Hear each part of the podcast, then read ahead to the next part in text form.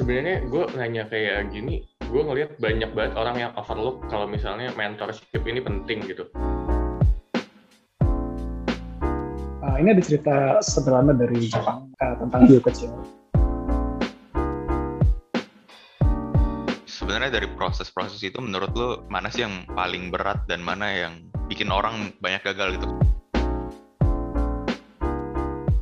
Assalamualaikum warahmatullahi wabarakatuh. Selamat datang di Opus Primum.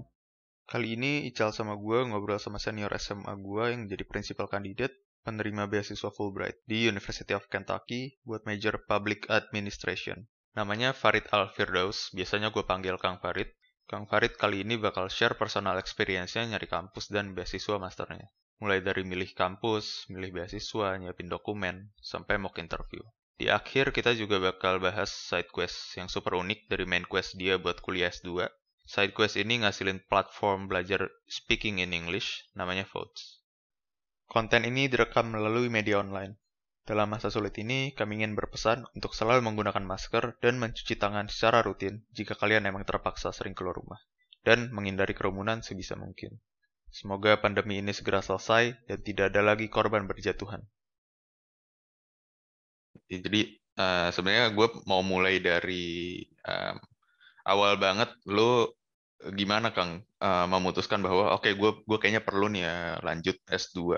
Itu kapan dan apa yang bikin lo berpikir gue perlu lanjut nih? Oke, okay, good question. Jadi kalau pertanyaannya kapan dan apa nih yang ngebuat gue, yang nge-trigger gue buat sekolah gitu. Jadi sebenarnya mulai dari keresahan judulnya kan, udah kayak hmm. judul lagu ya jadi ceritanya bayangin uh, lu Ri sama lu Cal jadi mungkin kalau lulus S1 di umur berapa 22 tahun lah ya 23 ya, iya dua dua dua dua dua dua satu betul karena lu kan dari SMA lanjut langsung sekolah gitu ya nah gua itu dulu masuknya STAN nih ceritanya STAN itu tiga tahun dan lulusannya itu D3 dan ceritanya kalau mau jadi S1 atau istilahnya kalau di tempat itu D4 ya itu setara kok sama S1 gue harus kerja dulu dua tahun. Nah kebetulan gue lulus tahun 2011 dengan D3 lagi ya tadi yang tadi gue bilang. Dan itu uh, eh, gue harus penempatan pertama dulu di Kalimantan dua tahun dan itu baru buka kesempatan scholarship uh, eh, D4 ya dari kementerian dan itu seleksi satu uh, nasional gitu. Hmm. Kalau lulus langsung ke Jakarta buat sekolah. Tapi kalau enggak ya tahun depan lagi daftarnya. Jadi setahun hmm. cuma sekali. Nah, bayangin gue di situ umur berarti udah 21 untuk baru mulai um, S1. Oke. Okay. Dan kebetulan S1 memang yang D4 tadi sore gue bilang bukan 4 tahun lagi tapi cuma ekstensi ya, 2 tahun. Tapi tetap aja gue kan beres uh, sekolahnya pokoknya gue baru beres D4 itu 2017. Hmm. Dan itu jauh dari teman-teman gue SMA ya yang mungkin langsung lanjut uh, eh, S2 ya atau mungkin udah lanjut S3 mungkin karena uh, ada kok satu dua temen gue akhirnya S3. Nah balik lagi tadi kalau pertanyaannya kapan uh, gue lulus lah di 2017 itu dengan D4 ya uh, gue mikir wah kalau cuma D4 nih gue nggak bisa jadi apa-apa di kementerian gitu hmm. banyak banget lulusan D4 bahkan kita ada jalur umum di mana yang S1 ini bisa ngebalap yang teman-teman dari STAN dengan pangkat yang langsung lebih tinggi yeah, kayak yeah. gitu kan Nah itulah, jadi triggernya adalah hmm, gue nggak bisa dengan D4 aja dan gue pengen sekolah. Kayak gitu, itu yang pertama. Tapi ya tadi, challenge-nya adalah sama peraturannya kayak yang sebelumnya. Gue kalau mau lanjut S2 dari 2017 itu, gue harus nunggu 2 tahun lagi. It means 2019 gue baru bisa lanjut S2. Gitu hmm. kira-kira. Oh, Oke, okay. Berarti uh, yang yang gue tangkap mostly adalah situasi dari kerjaan ya. Maksudnya lo lo pengen achieve lebih, lo pengen berbuat lebih, hmm. tapi kayaknya lo ngerasa hmm. dengan apa yang lo punya sekarang lo kurang gitu. Betul. Oke, okay. itu kan itu kan dulu nih. Kalau kita tarik ya. sekarang nih hmm. uh, terhadap pilihan lo ke S2 lo sekarang ini, apakah lo punya plan atau mimpi yang lebih lagi yang bisa lo achieve setelah lo lulus S2 yang sekarang lo ambil? Hmm cocok nih. Ini udah kayak pertanyaan interview ya. Kayak pertanyaan sekolah interview sekolah oke gue jadi uh, nostalgia ya. Jadi itu persis banget. Pertanyaannya namanya future goals. Ya. Uh-huh. jadi lo uh, mau apply scholarship mau apply kampus ya dalam negeri luar negeri LPDP gitu ya atau uh, interview itu pertanyaan keluar future goal. Dan gue suka pertanyaan ini. Jujur kalau gue jujur aja nih di podcastnya Amri sama Cal, gue pengen jadi RI 1. Wah, Nah, gue ulang ya, Amin, pengen amin. jadi RI 1. Saingan lu sama Manik, Kang. ya itu dia, tapi gue dulu lah. Dia jadi wamen dulu, eh jadi wakil dulu dia. Iya, siap, siap. Jadi ceritanya, gue pengen jadi RI 1, tapi kan kita ngerti ya itu jalur politik ya. Sedangkan ASN tidak boleh berpolitik. Jadi Hmm. future goal gue adalah eh, yang kalau berdasarkan jalur birokrasi, gue pengen jadi dirjen pajak. Oke, karena itu yang paling visible. Gue tinggal naik, naik, naik, naik, naik, naik eh, kompetisi sama teman seangkatan dengan prestasi. Nanti gue jadi dirjen. Tapi gue juga berpikir nggak bisa gue dari jalur dirjen keburu tua intinya. Nah, Hmm. mungkin someday gue akan resign gitu, dan gue mungkin akan ikut salah satu uh, partai politik atau gue bikin partai baru dan jadi RI satu tadi. Jadi sekali lagi um, ultimate goal gue adalah setelah S2 ini persiapan untuk dua uh, titik tadi. Siap, siap. Ini ini yang lo sebut juga waktu interview-interview atau kayak di esai-esai gitu.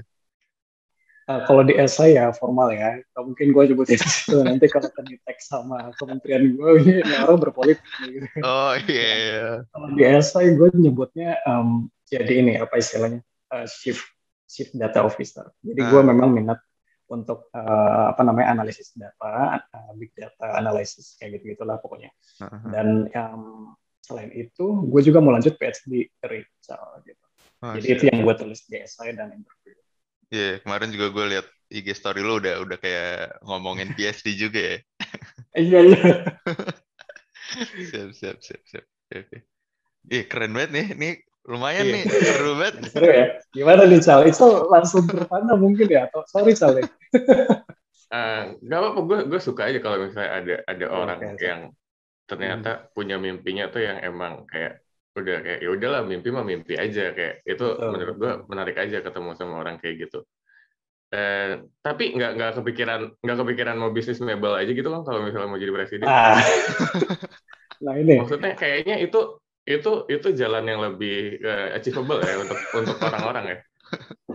Iya iya iya, gue tahu tentang mebel itu ya. Jadi gini, Cal, mungkin gue jawab dikit aja.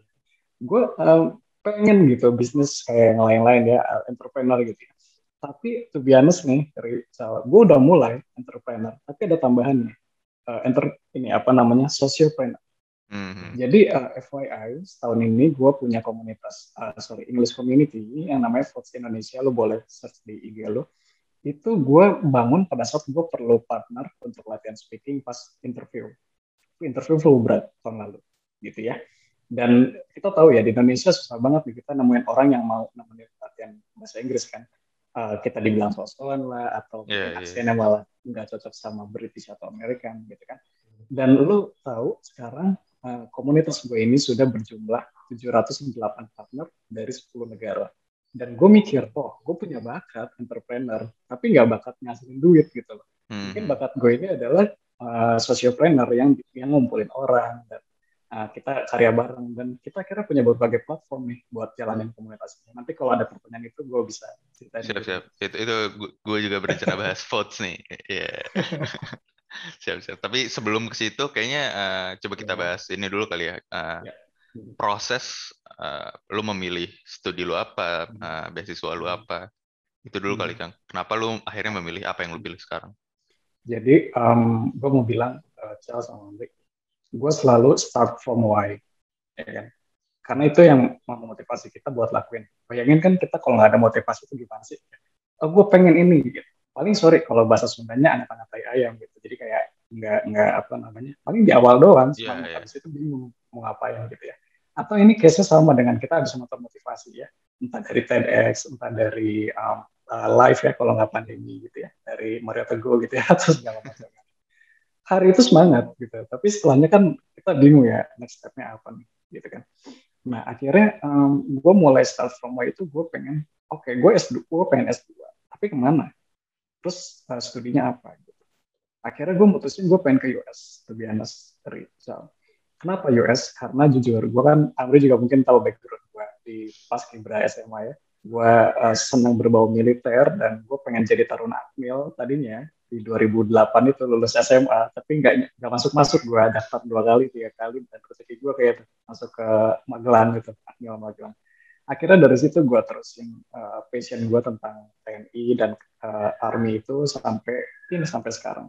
Dan gue suka uh, salah satunya nonton film-film dari Hollywood. Dan gue pengen someday gue pengen ke US gue pengen uh, ya nggak nggak latihan bareng minimal ketemu lah sama uh, US Army gitu ya dan itu yang jadi jadi ini gue apa istilahnya gue harus kena gue harus tapi gue sadar gitu nggak mungkin alasan itu gue taruh di uh, apa namanya SI gue pada saat gue interview apa yang membuat kamu pengen ke US gara-gara film Hollywood kan nggak mungkin ya gitu. akhirnya dari situ lah 2017 gue kumpulin reason-reason gue kenapa uh, gue pengen ke US dan ini relate dengan uh, follow up question yang Amri tadi. Uh, beasiswanya apa akhirnya? Akhirnya gue cari beasiswa yang khusus ke US dan itu keluar dari governmentnya ya US departmentnya itu disebutnya Fulbright gitu. Major lu sekarang jadinya apa kan? Oke, okay. um, gue ngambil Master of Public Administration hmm. karena itu yang diizinin sama kantor gue dan itu memang intinya pelajaran tentang government. Gue kira lu bakalan ngambil kayak something education gitu karena gue sempat tahu lo sempet ngajar di semplak gitu nggak sih terus apalagi oh, dilanjutin iya, iya. sama uh, yang votes ini gue kira lo kayak bakalan Betul. tertarik sama um, education kenapa akhirnya lo memilih education. si public administration ini jadi ceritanya uh, Rachel di kantor gue ini di kementerian gue lo kalau mau S2 harus sesuai aturan menterinya dan itu ada listnya uh, hmm. apa namanya S2 atau S3 apa yang bisa diambil dan logikanya gini mungkin mereka perlu SDM yang uh, nanti balik langsung bisa kontribusi ya enggak gue bisa aja ngambil education dengan uh, bikin permohonan tapi nanti balik gue jadi apa gitu yeah, yeah. gue gak jadi pegawai uh, yang ngajarin di klub gitu atau apa karena core core gue itu kan pajak ya jadi mungkin yang terkait itulah yang diizinin sama Amri. Hmm. Gue kan taunya dari, ngikutin dari IG story lu mulu nih Kang. Jadi kayak hmm. uh, kayaknya sempat apply ke mana, sempat yeah. ditolak, uh, sempat uh, nego segala macam. Itu dari proses-proses itu boleh uh, diceritain nggak kayak lu pertama apply ke mana atau uh, selanjutnya apa gitu? Oke, okay. jadi ini relate dengan cerita militer gua tadi. Di militer itu kan ada namanya sniper, sniper dan dan spotter itu kayak uh, pasangan emas lah ya kalau di film hmm. Subasa gitu ya. jadi ceritanya nih, uh, gue pengen, uh, gue nggak mau wasting time lagi. Ya tadi, ini relate dengan cerita gue yang sebelumnya. Gue ngapain ketinggalan lagi dari teman-teman sangkatan gue, khususnya yang teman-teman SMA gitu ya dan gue akhirnya mikir gue harus nyoba satu kali scholarship dan harus sekali jebol. Tapi gue sadar itu itu uh, challenge yang sangat berat ya. Apalagi ke US ya kan? Uh, pertama negaranya lo tau sendiri ya challenging. Tahun kemarin ada presidennya yang ya kita bisa bilang cukup challenging. Terus uh, keberangkatan ke sana weathernya ya orang-orangnya. Belum uh, scholarship yang ke sana tuh nggak banyak ya. ya kalau bisa dihitung ada LPDP dan Fulbright tadi yang khusus ke Fulbright eh, ke US. Oke. okay.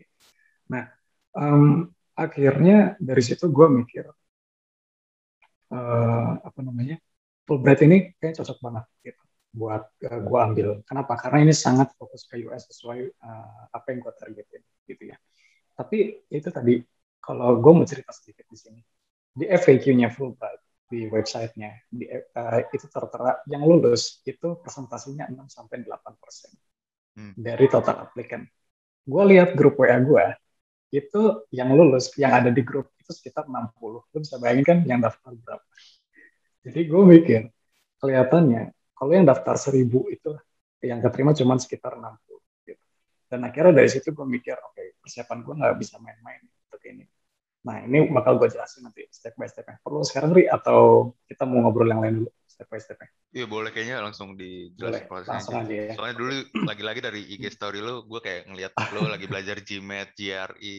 Nah, okay. Dan itu udah lama banget gitu eh, dari dari yang sekarang. Good question. Jadi gini, yang tadi gue bilang, uh, kalau lo ingat berdua, gue kesempatan nyobanya baru bisa di 2019. Hmm. Sekali lagi, karena aturan kementerian, gue harus nunggu lagi dua tahun dari gue lulus S1 ya kan? Nah dalam dua tahun ini gue nggak diem dan gue sadar di sini ada gap yang menurut gue sangat memalukan kalau gue mau daftar S2 tapi ini gap ini nggak diisi. Itu apa? Itu sih. Jadi itu uh, Ri sama Ical kalau di STAN dan ibaratnya apa istilahnya ya di kementerian kita yang kepenuhin itu working experience. Karena memang tugas kita kan kerja ya, ya sih? Mm -hmm. nah sisanya kosong. Nulis gue kosong. Ini gue jujur-jujuran aja gitu kan apalagi volunteer experience gue kosong. Jurnal nggak pernah publish gitu. Jadi gue mikir nggak bisa nih gue kalau cuma ngandelin working experience. Karena banyak pasti yang kerja. Ada juga yang pindah-pindah tempat yang banyak pengalaman ya kan. Sedangkan gue nggak punya apa-apa lagi.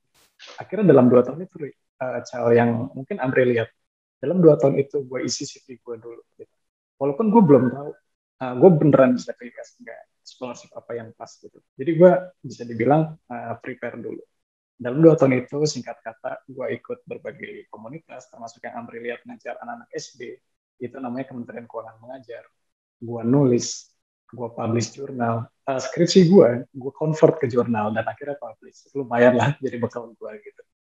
Ya terus setelah itu ya tadi bener kata Mbak untuk ke US uh, Cal, itu ada namanya tes khusus kayak TPA-nya disebutnya GRE atau GMAT kita bacanya GRE atau GMAT itu intinya TPA ada verbal ada kuantitatif tapi ini English lu bayangin ya ada kosakata ada matematika gitu itu dalam bahasa Nah, selain itu pastinya TOEFL, karena produknya US kan TOEFL IBT. Jadi dalam dua tahun itu, selain kegiatan gue yang tadi, gue godok terus, karena gue nggak pernah tes-tes bahasa Inggris kayak gitu. Di kementerian nggak pernah kita dibutuhin kayak gitu. Gitu kira-kira, untuk sampai dua tahun. Nah, kira gongnya nih, di Oktober 2019, keluar dua, apa istilahnya, scholarship. Ada beasiswa kementerian, ada Fulbright. Akhirnya gue mikir lagi, oke, okay, gue harus serius nih sama mimpi gue. Jangan jangan main-main karena malu gue udah sharing di story tapi gue nggak walk the talk itu malu banget gitu ya sih akhirnya gue uh, munculin gue harus jadi laki ini di sini oke gue ambil deh Fulbright gitu. walaupun tadi baik lagi cuma 6 sampai delapan persen dari total aplikasi tapi itu uh, kacau jadi setelah itu uh, eh, gue berpikir bahwa persiapan yang matang itu bakal ditemuin sama kesempatan. Gue gue sangat mengakui ini. Lu bayangin menjelang gue daftar Fulbright itu di Mall Pacific Place lantai tiga. Itu kayak ada unit khusus budaya-budaya tentang US ada workshop gratis ada uh, klinik buat esai uh, TOEFL segala macam preparation. Dan akhirnya gue balik ke sana. Mulai dari gue duduk di stage yang gue nggak ngerti ini native ngomong apa gitu kan. Sampai uh, gue mikir gue nggak bisa melulu listening dengan skill kayak gini gitu. gue akhirnya maksain diri belajar di sana. Sampai ada workshop ceritanya nih. Uh, judulnya adalah mengundang anak-anak Indonesia yang lagi sekolah di US mereka bilangnya empat tapi yang datang cuma dua nih cewek gitu kan. Terus ternyata yang dua ini virtual. Salah satunya adalah awardee dari tarif, uh, apa beasiswa yang gua targetin itu Fulbright hmm. Disebutin namanya disebutin instansinya taunya dari Kementerian Keuangan juga. Ini senior gua ternyata gua baru tahu. Gitu. dari situ dari situ nih ini yang udah mulai serunya nih. Gue buru kontaknya gitu kan buat tanya. Dia balasnya malam gue WhatsApp pagi nggak nyambung deh pokoknya karena beda waktu ya. Nah dari situlah gue di uh, lead sama mentor ini uh, hmm. namanya Mas Aprisal gitu. Dan ini yang gue akuin bahwa uh, peran mentor dalam um, pursuing scholarship ini sangat penting. Karena logikanya lo mau masuk ke uh, rumah uh, scholarship harus ada orang yang uh, orang dalam ya. Maksudnya ada orang yang udah punya pengalaman hmm. ya kan? Contoh uh, Amri sama Faisal pengen LPDP luar negeri. Ya cari uh, awardingnya yang luar negeri gitu. Biar relate kan ya sih? Amri pengennya ke UK ya cari gitu. Awardingnya yang ke UK itu baru nyambung gitu. Nah akhirnya ini yang gue lakuin.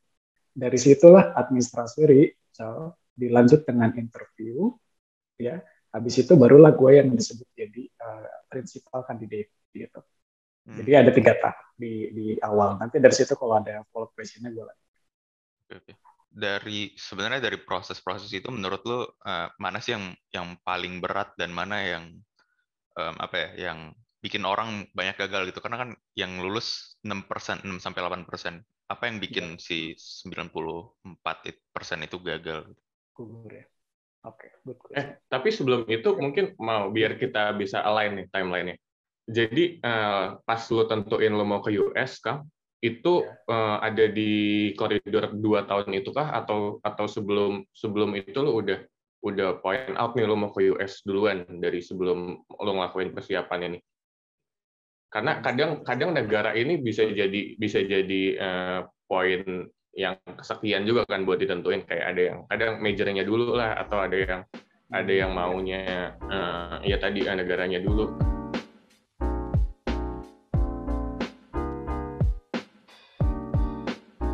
gue di 2017 lulus uh, S2 itu, eh sorry, uh, S1 atau D4 tadi, gue langsung nargetin negara itu. Uh, Jadi uh, uh, apa pun major yang gue ambil, gue pengen ke US gitu. Dan sebelumnya gini, sebelumnya kalau boleh cerita, gue sebenarnya pengen ke Jepang tadi, karena gue tahu di sana budayanya disiplin dan segala macam, dan gue suka uh, berbau disiplin. Amri langsung senyum mungkin kira pasti ya.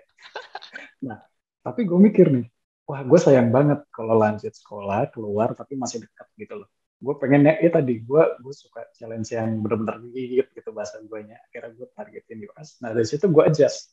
Gue sempet targetin kampusnya mau di Ayunda Stanford gitu ya ini sekolah paling bagus banget emang di sana tapi mahal banget gila itu dan um, apa istilahnya sangat selektif karena ini mirip-mirip sama uh, Harvard dan Yale uh, gue nentuin dia sama Amari. Jadi balik lagi gue untuk nentuin negara dulu. Habis itu gue adjust kampus. Gue gue targetin yang bagus-bagus dulu. Kayak misalnya Stanford, Yale, ya itu terkenal banget. Ivy League juga masuknya. Terus baru jurusan. Nah dari jurusan ini gue sedikit cerita. Kan gue juga suka berbau leadership. Dan akhirnya gue mikir yang mimpin itu gue cuma tahu dulu MBA, Master of Business Administration. Oke. Okay? tapi ya itu itu nggak relate sama uh, kerjaan gue karena kerjaan gue government sedangkan bisnis ya lo tau sendiri itu buat si entrepreneur kan atau memang pebisnis gitu profesional akhirnya gue tanya sama kepegawaian gue boleh nggak MBA nggak boleh ternyata. Kenapa? Karena hmm. uh, logikanya mereka kalau gue ngambil MBA nanti gue tahu ilmunya gue malah keluar gitu. yeah, yeah. nggak di government lagi gitu. Akhirnya oke okay, gitu. Gue ikutin. Apa nih? Tetap leader uh, tetap leadership tapi uh, masih mirip dengan MBA ya itu. Gue akhirnya milih MPA Public Administration. Jadi leader di government. Hmm. oke oke oke. Oke oke balik lagi ke pertanyaan gue tadi kali ya. jadi uh, proses apa yang menurut lo paling berat dan uh, bikin si 94% hmm. ini gagal Iya, makasih udah diingetin. Uh, kalau gue bilang yang berat dulu ya, sebelum yang paling berat ini dari awal berat karena gini um, mereka minta TOEFL ITP kalau lo ingat ya TOEFL TOEFL yang ada grammarnya itu yang reading grammar listening mm -hmm. itu mereka minta minimal 550 dan jujur gue di kerjaan kan tiap hari bahasa Indonesia. Ya. ketemu klien wajib pajak bahasa Indonesia teman-teman sekitar bahasa Indonesia. Malah gue penempatan juga di Kalimantan ya bahasa Indonesia atau bahasa lokal gitu kan. Mm -hmm. kapan sih gue pakai bahasa Inggris? Akhirnya gue untuk menyentuh 550 itu untuk TOEFL itu susah menurut gue pribadi. Dan lu tahu gue menjelang daftar Fulbright di Oktober 2019 gue tes enam kali dalam tiga bulan berturut-turut jadi hampir dua minggu sekali gue tes. Keluar tuh tiga ratus ribu tiga ratus ribu itu keluar. Uh-huh. kenapa? Karena um, gue ngejar skor itu sebelum uh, dibuka pendaftaran. Dan logika uh, gue pernah mulai dari skor 480 itu ceritanya tuh kalau mau daftar dalam negeri kita kalau kita lihat ya di LPDP itu minimal 500 tapi untuk luar negeri itu 550 gitu kan. Gue tuh naiknya 10 10 480 skor gue terus naik jadi 490 udah deket 547 nih ya ceritanya. Ini turun lagi jadi 5 jadi 537 dong. Kata gue nih wah kacau ini gimana sih jadi gini kadang kadang listening gue naik gitu ya. Reading gue turun. Yeah, terus yeah. grammar gak usah ditanya ya kan? Grammar gitu ya. Ya udah lah akhirnya uh, gue paksain lagi menjelang buka tuh. Akhirnya hmm, gue cobalah daftar. Karena logikanya gini gue bisa aja maksain dengan 547 tapi kan requirement itu buat nyeleksi ya kalau kita nggak sesuai requirement ya pastinya di uh, tenang dong gitu kan logikanya kan hmm. akhirnya itu yang menurut gue berat di awal Nah, kalau tamrinannya yang paling berat, ini masih mirip ceritanya. Jadi TOEFL ada dua nih, sama Amri. Ada ITP yang gue bilang ada grammar tadi, sama satu lagi ada TOEFL IBT, Internet Based Test, yang ini ada speaking dan writingnya. Ini mirip IELTS, gitu ya. Nah, um, ini skornya nggak nggak ratusan kayak tadi, ini cuma 60 sampai 120 range-nya kira-kira.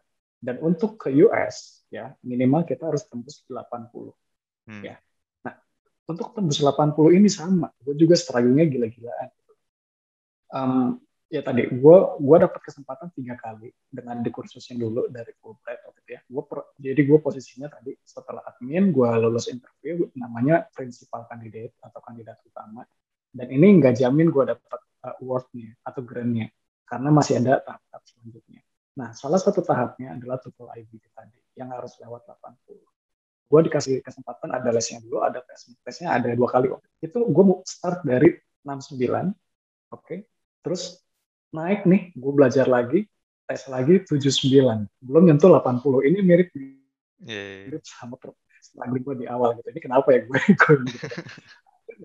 pas lagi mau kesempatan ketiga itu 30 Desember tes gue 29 Desember di kantor gue ada rapid. Pertama kali ngadain tes covid pakai rapid yang yang dicet gitu ya dipakai pakai uh, keluar darahnya gitu kan. Dan gue positif guys.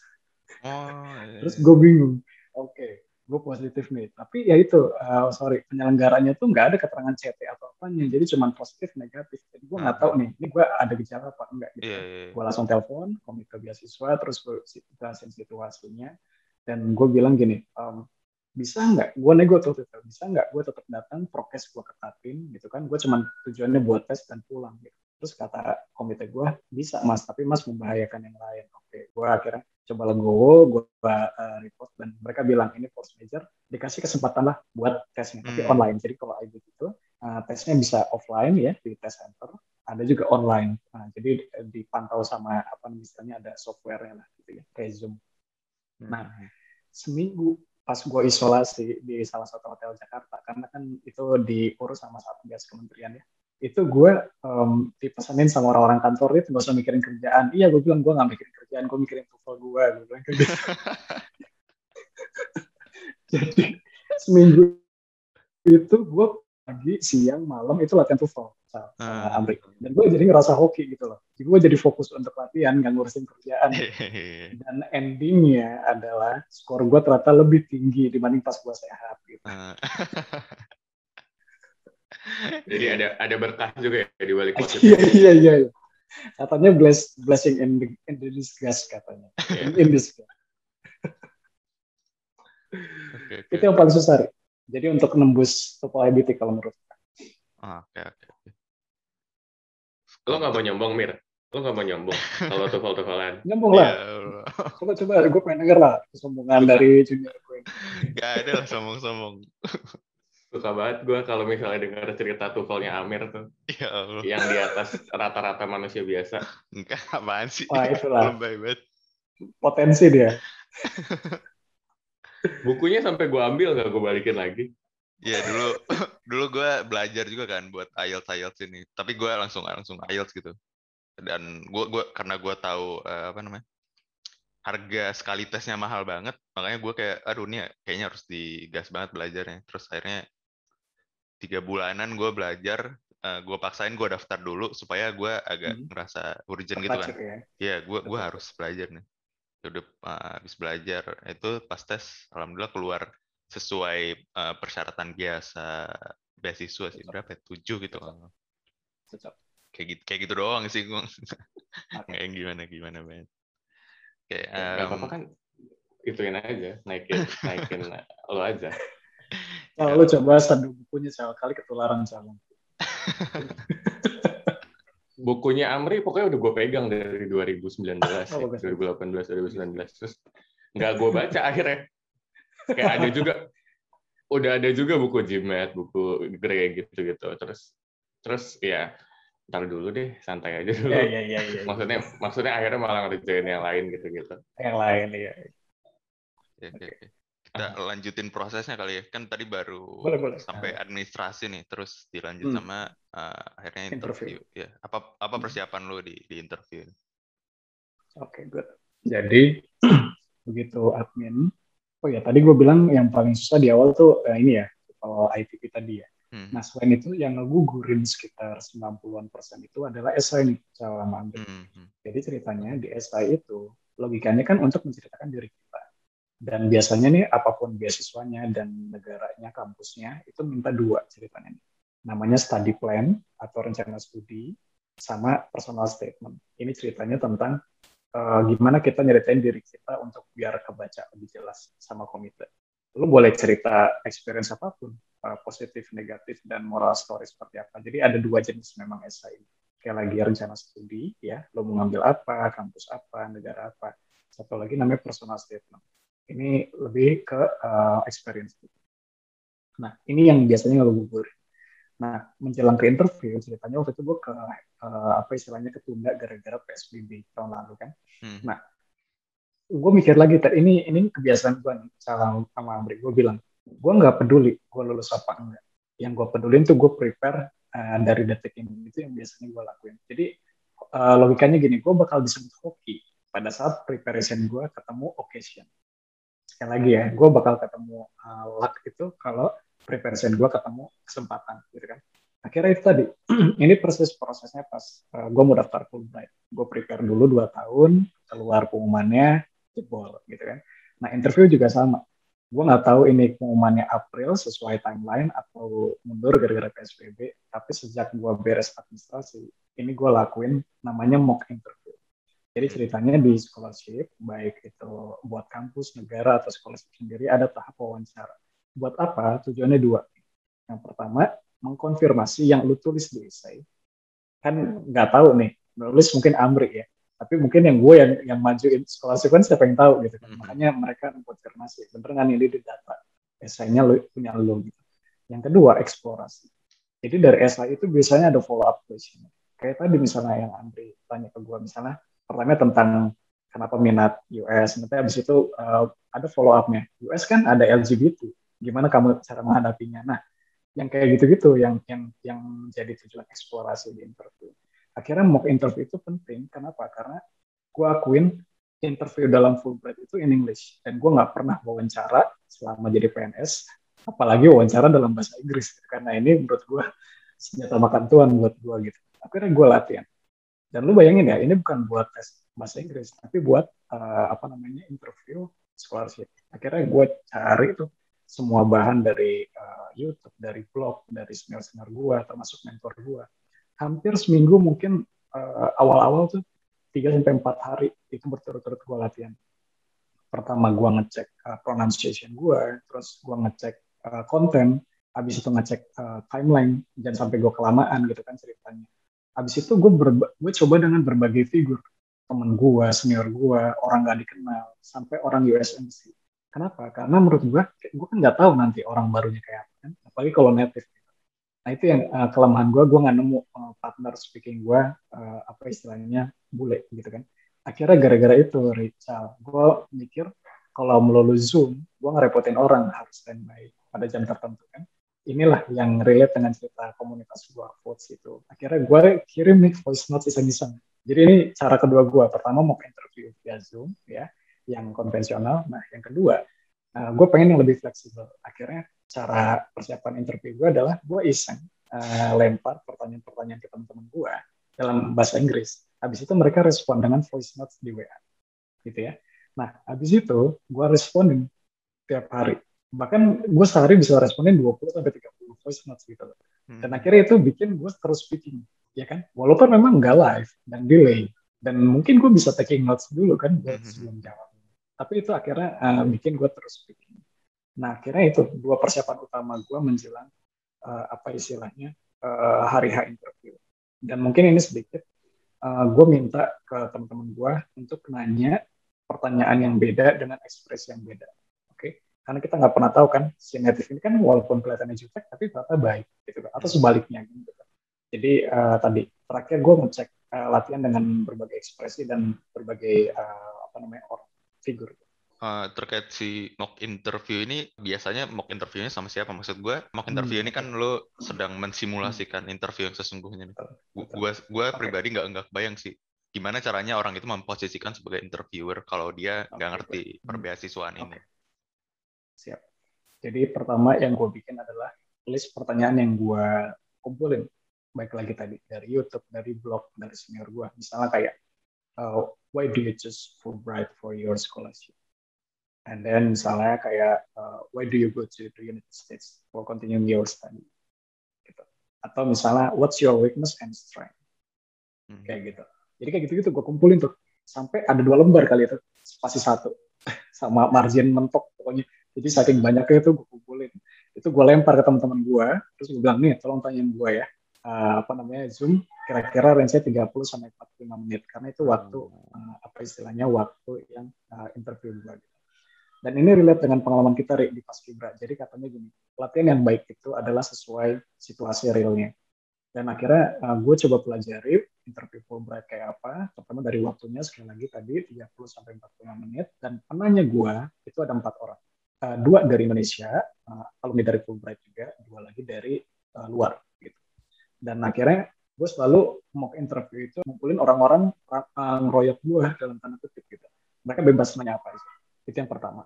Terus yang kedua, uh, untuk mau interview ini juga perlu ditekankan, uh, kita perlu ada feedback jadi hmm. setelah proses tanya jawab itu harus di, di record dan gue harus nyatet gitu. kelemahan gue apa di setiap mock itu. Misalnya nih, gue kebanyakan filler.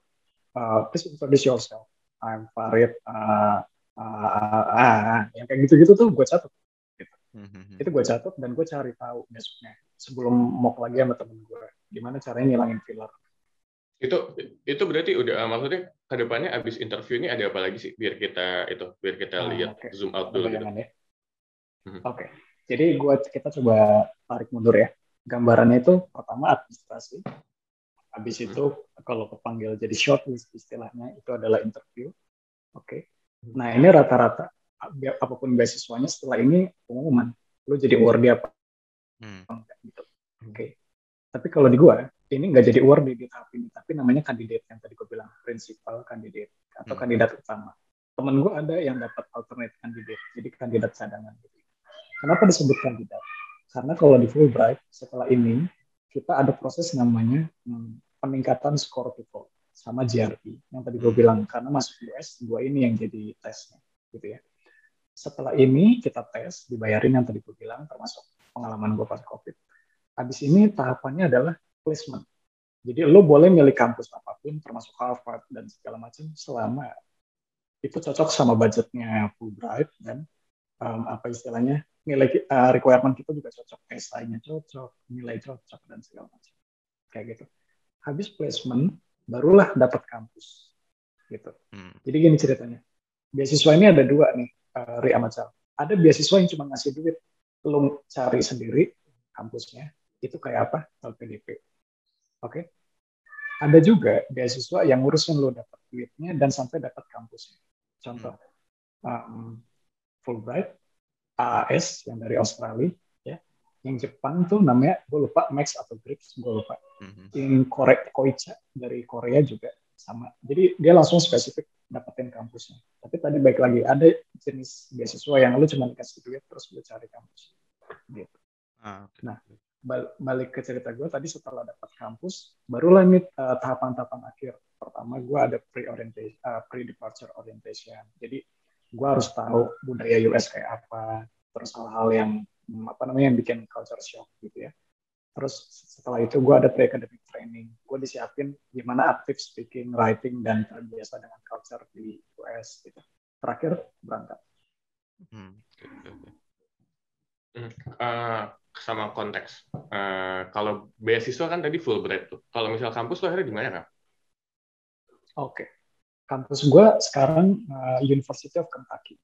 Ini udah final gitu loh. Jadi sebelumnya eh, gue dapet Duke University ya, dan gue sempat daftar juga ke kayak Michigan, ke Indiana gitu ya. Tapi sekali lagi tadi gue mau cerita kalau di Fulbright itu ada platform beasiswanya. Jadi nggak nggak at cost. Kalau LPDP, lu mau daftar Harvard juga selama lu masuk di, dikasih. Lu mau daftar Stanford dikasih uh, eh, UCLA ya apa pun itu dikasih. Oxford kalau bisa masuk dikasih.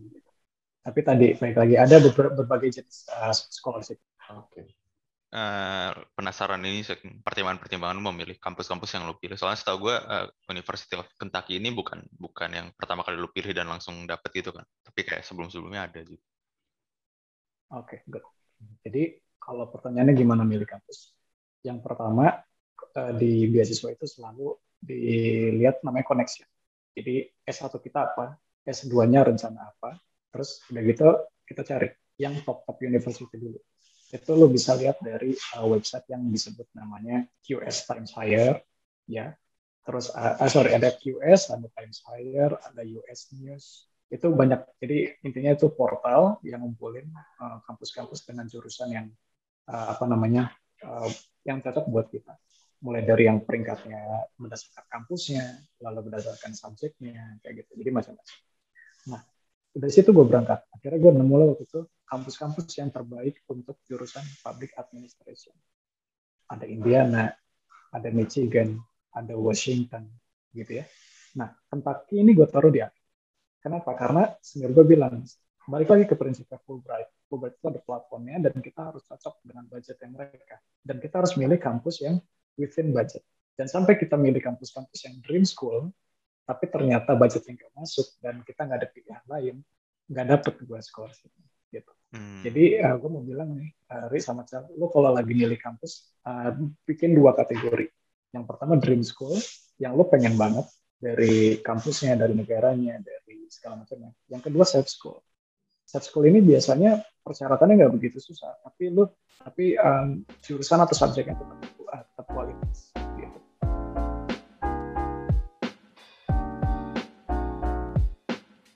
gue lihat sebenarnya di sini berarti uh, proses dari Fulbright ini menurut lo membatasi lo gitu nggak sih? Atau menurut lo ini masih fine fine aja masih masih ideal gitu untuk uh, achieve plan awalnya tadi?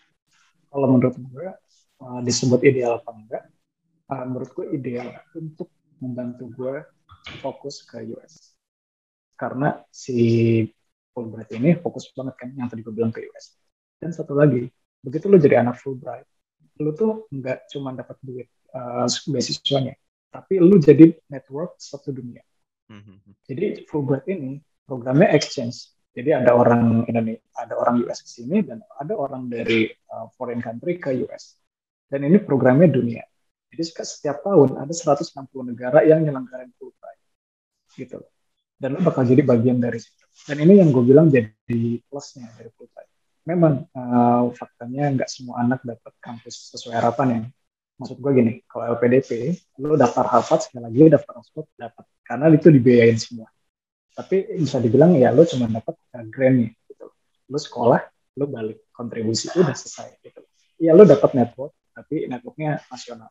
Gitu kan kira-kira. Kalau kita uh, mungkin kurang pintar-pintar bikin network pas di sana ya udah akhirnya cuma sekolah balik gitu kan. Yeah. Iya. kan.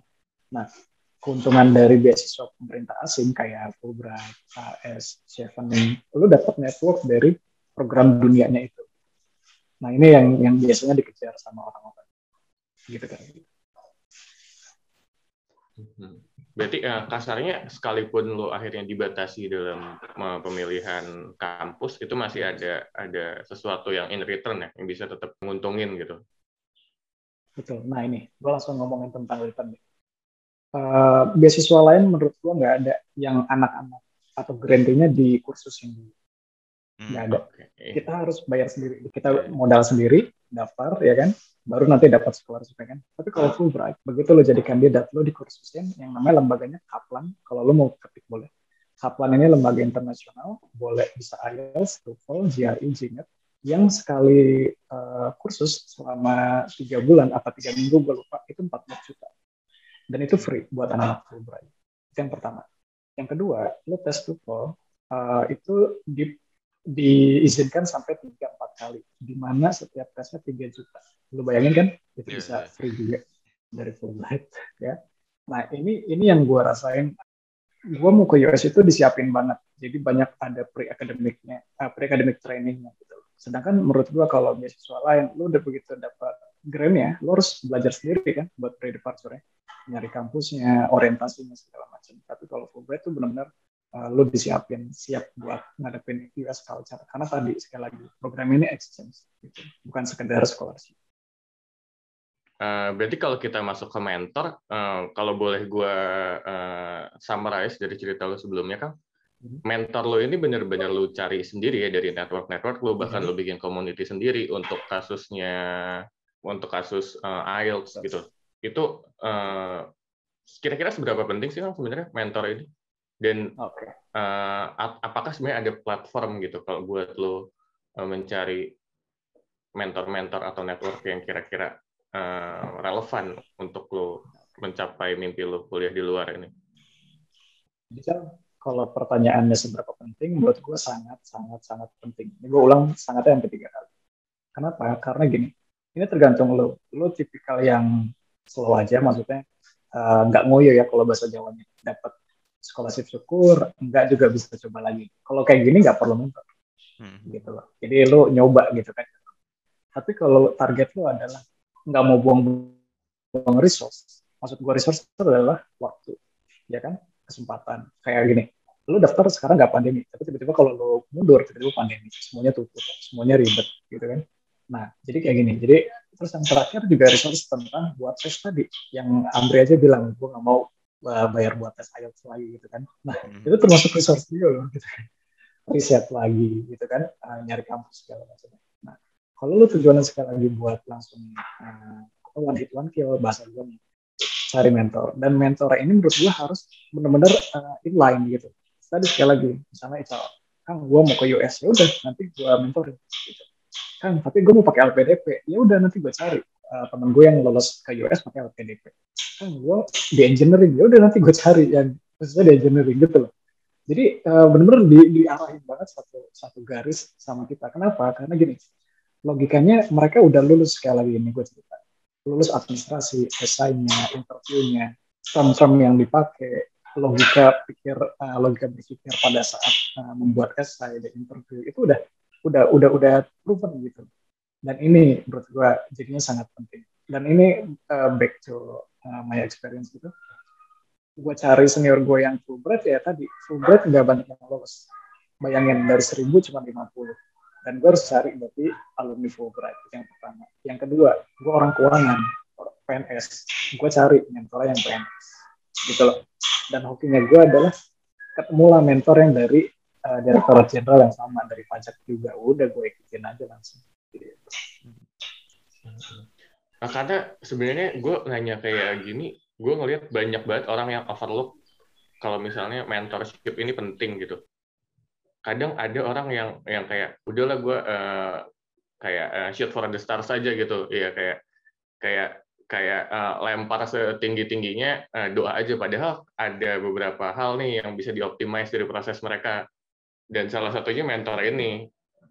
Dan uh, makanya itu sekarang medianya banyak ya. Ada webinar ya. Terus ada mentorship yang memang uh, uh, paid mentorship maksud gue ada yang berbayar segala macam. Itu bebas caranya gitu. Tergantung lo minatnya yang mana. Atau cuma megang bukunya guidance-nya gitu ya. Kan ada nih yang kayak uh, cara mendapatkan beasiswa gitu ya segala macam. Itu boleh juga banyak caranya. Tapi menurut gue pribadi uh, lo harus uh, nempel sama satu mentor yang inline sama tadi itu menurut gue sih sangat rendah.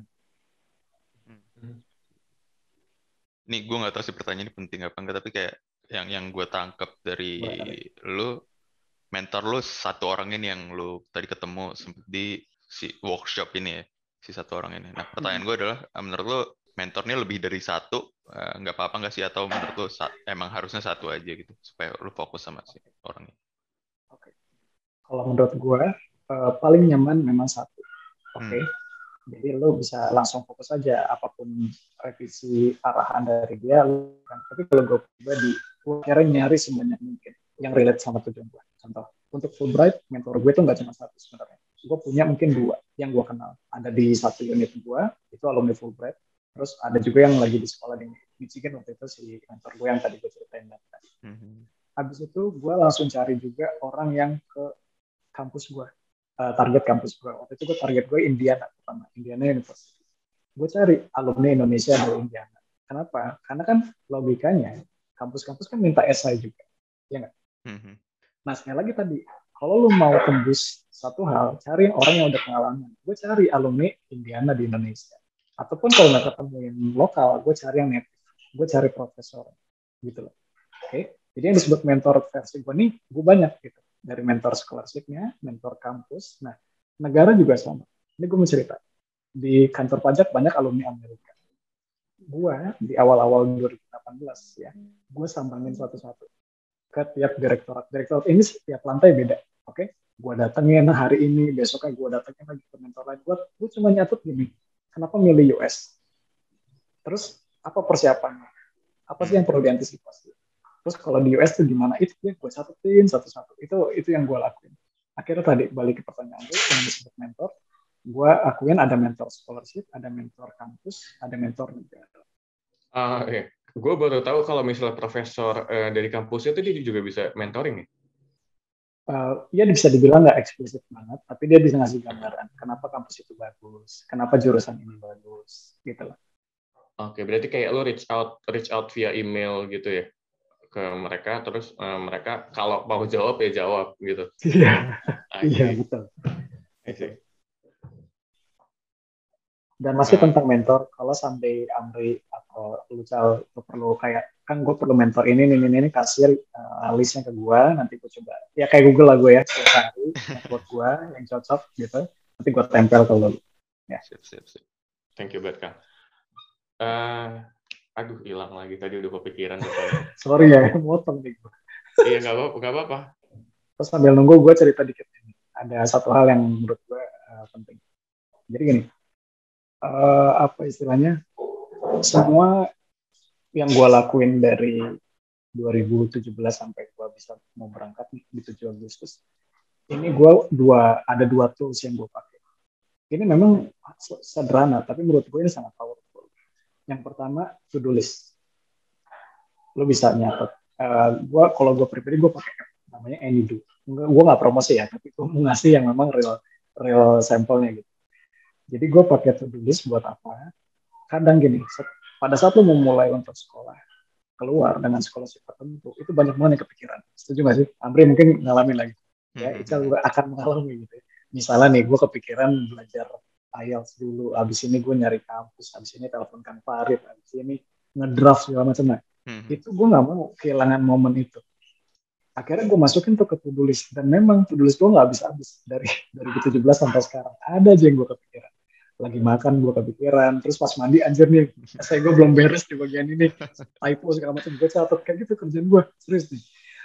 Terus setelah selain itu gue uh, suka banget namanya mind map oke okay? ini simpel ya mungkin lo pernah denger ya jadi kayak bikin keyword di tengah ya habis itu bikin cabangnya segala macam kenapa karena uh, kalau gue bilang kepala gue nih gila gitu jadi banyak banget hal yang kepikiran dan kalau gue nggak gue yang itu sayang kalau uh, apa namanya mikir dua kali gitu loh jadi ini yang gue lakuin uh, sama Isal. Satu checklist, um, gue catat semua yang gue menurut gue konsen menurut gue pribadi. Habis itu kalau ada hal-hal yang gue masih bingung dari nol, gue langsung bikin di kertas kosong. Kalau sekarang gue ada uh, plus software-nya dan ada juga secara online bikin mind map. Gue langsung taruh keyword di tengah, misalnya kayak tentang Fulbright. Habis itu langsung teng teng teng teng teng cara daftar gimana, cari mentor, cari kampus, terus nanti gue cabang lagi segala macam. Jadilah tuh satu satu mind map gue Nah, tugas gue selanjutnya adalah baik checklist atau mind map itu follow up karena penting buat follow up. Kalau enggak ya lu nggak bakal nemuin jawaban kayak ini contoh hari ini. Amrin dari minggu lalu atau dua minggu lalu pengen uh, podcast ya udah kita follow up ya kan. Gua tanya uh, kapannya, tulisnya apa, gue pelajarin. Terus hari ini kita coba uh, follow up gitu kan. Habis ini kita ngapain? Kayak gitu yang disebut follow up. Gue udah inget pertanyaan gue. Mumpung, mumpung inget nih, salah, Setelah gue pikir-pikir nggak penting jadinya kayak ya udahlah nggak apa-apa kita Gak apa coba coba. Gue gue penasaran kayak gue dulu soalnya pernah ikut kayak semacam mentorship gitu gitu. Jadi uh, awalnya tuh gue kalau S2 tuh pengennya uh, udah US pasti MBA lah ya. Ini basi-basi emang. Udah MBA US kayak ah tapi uh, abis itu gue sempat ikut nih kayak mentorship tapi gue kadang nggak ngerasa ada impact yang yang yang useful gitu loh buat gue kira-kira apa ya yang apa apa sih yang penting dari sebuah mentorship ini karena karena yang gue ikutin kayak sebuah platform gitu kayak dia sebenarnya sebuah startup sebuah program uh, tapi sekarang udah nggak udah nggak ada sih setahu gue mentor mentorship ini penting tapi ketika gue ikut itu kayak sebuah program ini kayak nggak nggak begitu uh, impactful buat gue jadi harusnya gimana menurut lo? Hmm. apa yang penting dari sebuah mentorship ini? Oke okay. uh, gue gue ngerti.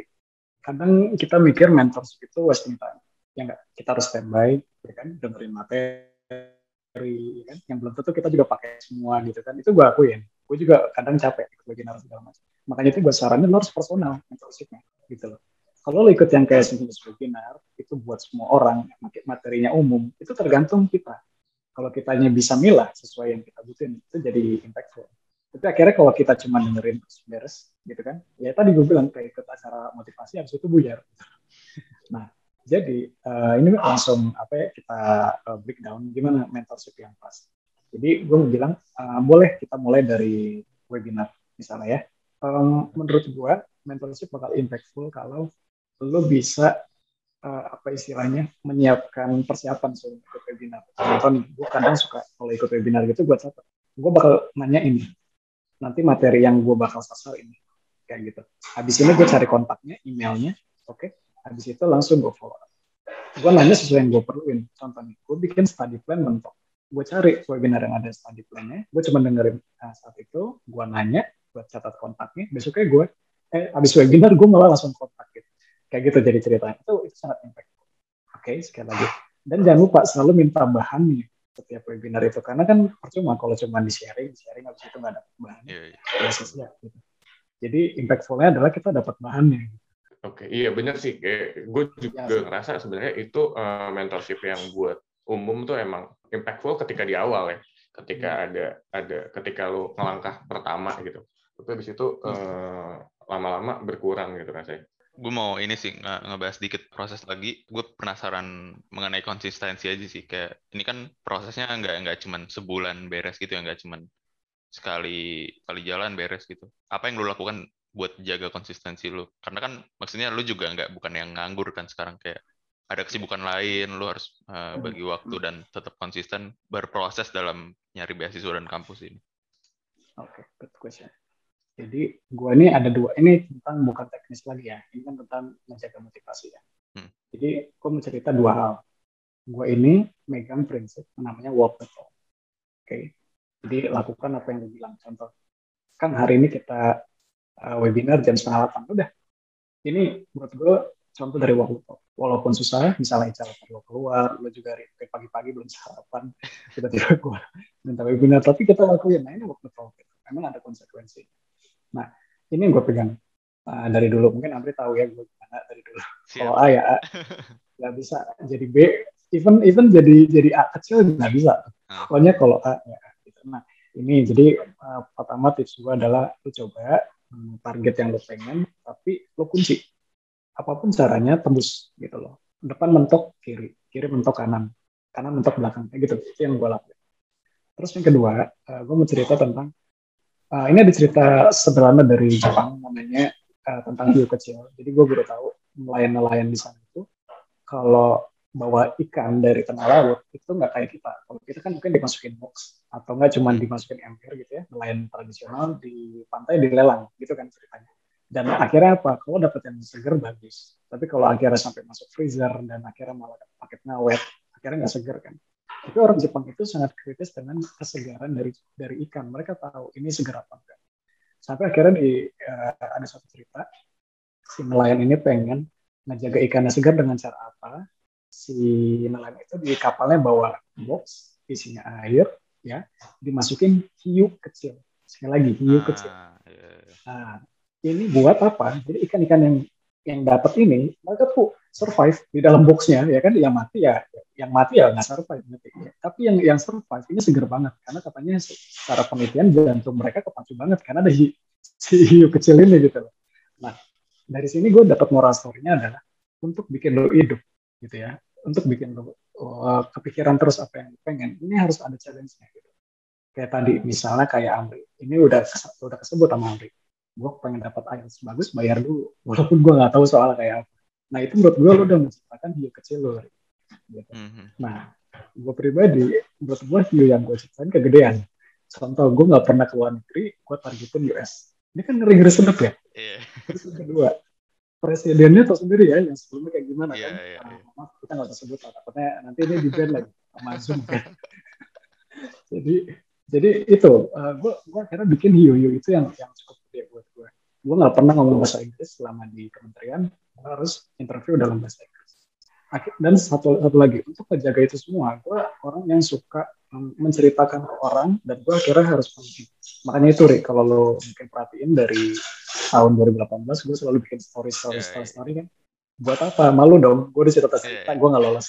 Ya sih. Nah kalau gue orangnya gitu nih jadi gue uh, set target gitu dan gue harus penuhin apa pun caranya. Tapi selama baik ya nggak pakai cara-cara yang uh, nggak ini nggak bagus. Ya. Uh, masalah walk the talk nih. Kayaknya soalnya gue sama Amir nih ada suatu stigma stigma terhadap walk the talk. Masalahnya ketika lu talk dulu baru walk, kadang lo ada sense of fulfillment sendiri nggak sih, Kang? Kadang, kadang akhirnya ketika lo ceritakan goal, lo ceritakan apa yang ingin lo capai ke orang lain, itu akhirnya lo ngerasa, oh gue udah, udah achieve nih kayaknya rasanya. Nah, gimana sih caranya sebenarnya lo, maksudnya, dan itu proven juga dengan uh, dari science, maksudnya dari psikologi. Jadi maksudnya, ya gimana caranya lo ngejaga, ngejaga, uh, ngejaga lo tetap walk gitu loh setelah talknya mungkin uh, dari uh, mungkin si hiu hiu ini salah satu caranya ya. Cuman ada cara lain nggak? Oh, gimana cara lu tetap walking after si talk ini? Kan sekarang teknisnya ya berarti ya. Jangan sampai cuma teori walk the talk kita tahu, tapi habis itu gimana caranya gitu. Nah. Okay. Uh, eh, gue pertama gini, gue yakin lu sering dengar namanya smart goals, ya kan? Lu, lu tidak akan bisa walk kalau lu nggak membuat goalsnya spesifik. Contoh, gue pengen ke US besok. Itu gila menurut gue pertama scholarship nggak ada, kampus belum daftar, belum nggak, beli nggak tiket. Jadi. Betul, betul. Jadi yang bikin work itu adalah smartnya tadi. Lo harus pastiin spesifik. Contoh nih, gue pengen ke US 2021. Logis. Waktu itu ya, 2019. Kenapa? Karena ada tahapan scholarshipnya.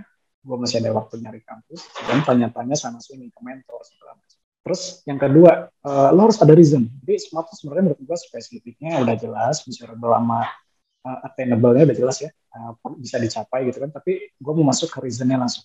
Harus ada reason-nya. Contoh gini, Ri, lu daftar apa sih kemarin scholarship atau kampusnya yang lo draft itu? Uh, kemarin tuh masih uh, daftar kampus gitu di Jerman. Ada beberapa okay. sih yang gue uh, daftar. Oke. Okay. Oke, okay. nah sekarang gue masuk kenapa sih lu pengen ke sana? Nah kita masuk ke reason. Buat S2-nya sendiri, alasan pribadi gue karena gue masih penasaran sama geodesi karena sekarang kerjaan gue kan gak nyambung sama geodesi. Gue mau coba balik oh. lagi ke geodesi, okay. tapi gue ngerasa hmm. kayaknya skill gue atau knowledge gue di geodesi ini kurang makanya akhirnya gue coba okay. pilih S2. Oke. Okay. Nah itu maksud gue. Jadi even cuma satu reason, tapi itu sangat tadi oh gue pengen relate lagi sama undergrad gue kayak gitu.